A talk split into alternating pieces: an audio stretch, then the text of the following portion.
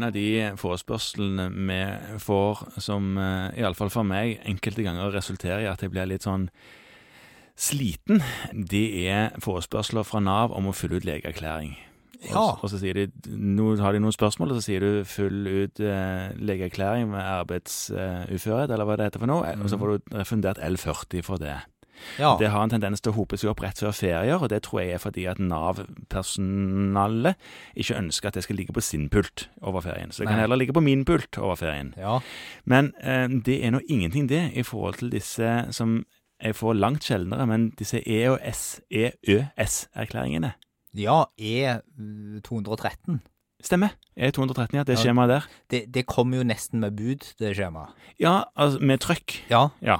For det det, er ganske tungt svært. og stort. Ja. Og så står det en sånn veldig formell og fin forside som sier at med mindre du klarer å svare på dette skjemaet innen tre uker, så tar vi fra deg statsborgerskapet og, og sender deg i eksil til Svalbard. ja. Det, det er iallfall et stort og viktig skjema. Ja. Vet du hvorfor de får det? Pasientene som får det. Ja. Ja, jeg, må, altså, jeg har jo alltid tenkt at det må være enten fordi de er utlendinger og har jobbet i Norge en periode, eller er norske og har jobbet i utlandet en periode. ja altså, du kan forenklet si det at de har, hvis de får E213, som er det europeiske skjemaet, så er det fordi de har vært innmeldt i en europeisk trygdekasse. Ja, nettopp. Ja. Det, det er den litt enkle måten å si det på. Ja, jeg var litt mer omstendelig. Ja, og det er nesten rett. Og det det går på, er at det skal gjøres en vurdering av om det skal søkes penger òg ut mot en annen trygdekasse. For hvis du har fått forsikra i en annen nasjonal forsikringsordning for din helse, Ja, så, så skal det da avveies om du òg skal ha noe derfra. sånn sett, ja. Så Mm. hvis du skal ha en varig uførhet, så kommer dette i spill. Mm. Ja, altså hvis du er nordmann og har vært innmeldt i en europeisk trygdeordning, Si at du har bodd i Frankrike i fire år og Ja. der. ja, så Som- kanskje den franske staten skal betale litt av dine sykepenger. Ikke sant? Ja. Det er grunn, grunnlag for dette. Og det er klart Hvis du er engelskmann og har flytta til Norge, så har du antageligvis jobba mye i England. Ja, Men det gjelder òg de som er fra Frankrike og har jobba i et oljeselskap i Norge i noen år. Kanskje Norge skal være med og betale litt av den franske regningen? Ikke sant. Ja. Og da skal vi ha innlagt en felles blankett som vi bruker, som skal på en måte gjelde overalt. Og den blir da stor. Ja. Det er jo ofte sånn med ting som vi alle skal være enige om, at det skal være stort, og det skal være veldig omfattende, for den skal ta inn i seg alt. Sant? Og det er jo det kanskje hvor man uh, tenker man må sette av en uke for dette her, for Ja. det er voldsomt mange spørsmål. Ja, nå er det sånn at det første du skal tenke når du ser det skjemaet, at en uke er det ingen som har tenkt du skal bruke, men tre timer. Ja, så Ja. det er normert tid. Ja. Ja. Honoraret for dette er normert til tre timer, akkurat som honoraret for en vanlig i gåsøgne, attest ved uførhet er normert til 40 minutter. Ja. For den får du L40 for. Hva får du for denne, da? L180. Det er mye høyere enn L40. Ja. Er det mye mer penger òg? ja, for det følger en sånn justert sats. Ja, hvor mye er det snakk om, da? Det er 3500 cirka. Ja, så Ja. Det, det, det er Du får honorert for denne jobben. Ja. Mhm. Og jeg tenker at hvis du da mentalt i hodet ditt tenker at det er tre timers arbeid, dette her, så er kanskje ikke hjemmet så stort lenger.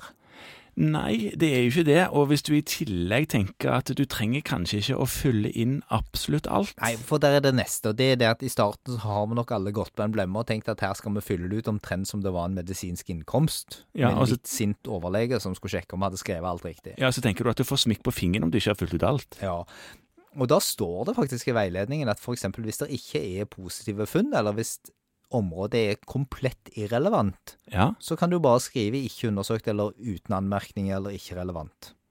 ja, fordi at en av de tingene som tar en del plass på det skjemaet, er jo alle mulige anatomiske tegninger, og der kan du drive og skrive leddutslag på alt mulig. Og det, det er klart at hvis pasienten eh, har fått sin uføre pga. en helt annen hendelse, hjerteinfarkt, eller, Fått alvorlig hjertesvikt etterpå. ja, så er det lite relevant å bruke en time på å måle vinkler. Ja, ja eh, det er sant. Og, og det sier skjemaet òg, hvis man leser det grundig, at det trenger du ikke å gjøre. Da blir det enda litt mer overkommelig, kanskje. Ja, sånn at Erfaringen er nok at hvis man puster dypt med magen, og så kjenner man jo ofte pasienten godt, for pasienter som søker uføre hos deg, det er pasienter du gjerne har fulgt opp litt, Ja. så klarer man fint å gjøre dette på godt under tre timer. Ja. En, en annen ting som eh, jeg vet en del har tenkt at de bare må, det er å fylle inn alt som de ber om på skjema. Ja. Så da setter en seg ned med penn, og så skriver en, og så skriver en feil, for det gjør en jo. Mm. Og så stryker en ut, og så blir det bare kluss og baluba, og så tenker en at denne håndskriften ser jo ingen, så en prøver å skrive enda bedre, og med stor Da blir det bare rot. Så det går an å skrive punkter i journalen som korresponderer med punktene i skjemaet, Ja. sånn at du kan skrive ut det ved siden av og se vedlegg. Det går fint an, fordi at eh, egentlig så er det sånn at det er jo litt en overlevelse fra fortiden at man skal sitte og skrive for hånd. Fra tidligere så er det jo kjent at leger har en uleselig håndskrift. Ja. Med inntreden av dataverden så gjelder jo det langt flere enn bare leger nå. Men det er absolutt rimelig å sikre seg at mottaker klarer å lese hva som står. Og i ditt tilfelle så tror jeg det er en kjempeidé at du skriver på siden av. Ja, jeg, jeg, tror, jeg tror alle er tjent med det. Det er ingen som får en krone i støtte hvis de skulle basere seg på mine håndskrevne notater. Sånn at eh, når dette store skjemaet nå, om det nå skulle dukke opp i postkassen din, og fylle opp den, så, så ikke mist helt nattsøvnen. Det kan være lurt å ta pasienten inn til en time òg, og, og, og diskutere litt. For det kan være noen spørsmål som er relevant å svare på, som ikke umiddelbart står der. Men les gjerne gjennom skjemaet først, og fyll inn litt, fordi noe bakgrunnskunnskap har du nok. Og så ta en kort samtale med pasienten, og så er dette overkommelig, og så er det en god grunn til det. Ja, og hvis det er sånn at du kaller inn pasienten på time for å få hjelp til å fylle ut dette skjemaet, det gjelder både dette og L40-skjemaet, eller dette vanlige legeerklæringsskjemaet, så har du ikke lov til å ta konsultasjonstakst. Nei. Ved mindre det blir en konsultasjon, da. Med mindre det blir en konsultasjon om noe annet enn det aktuelle. Ja, fint. Ja, men da blir det mindre problem når den trøkken kommer med dette skjemaet. Det gjør det.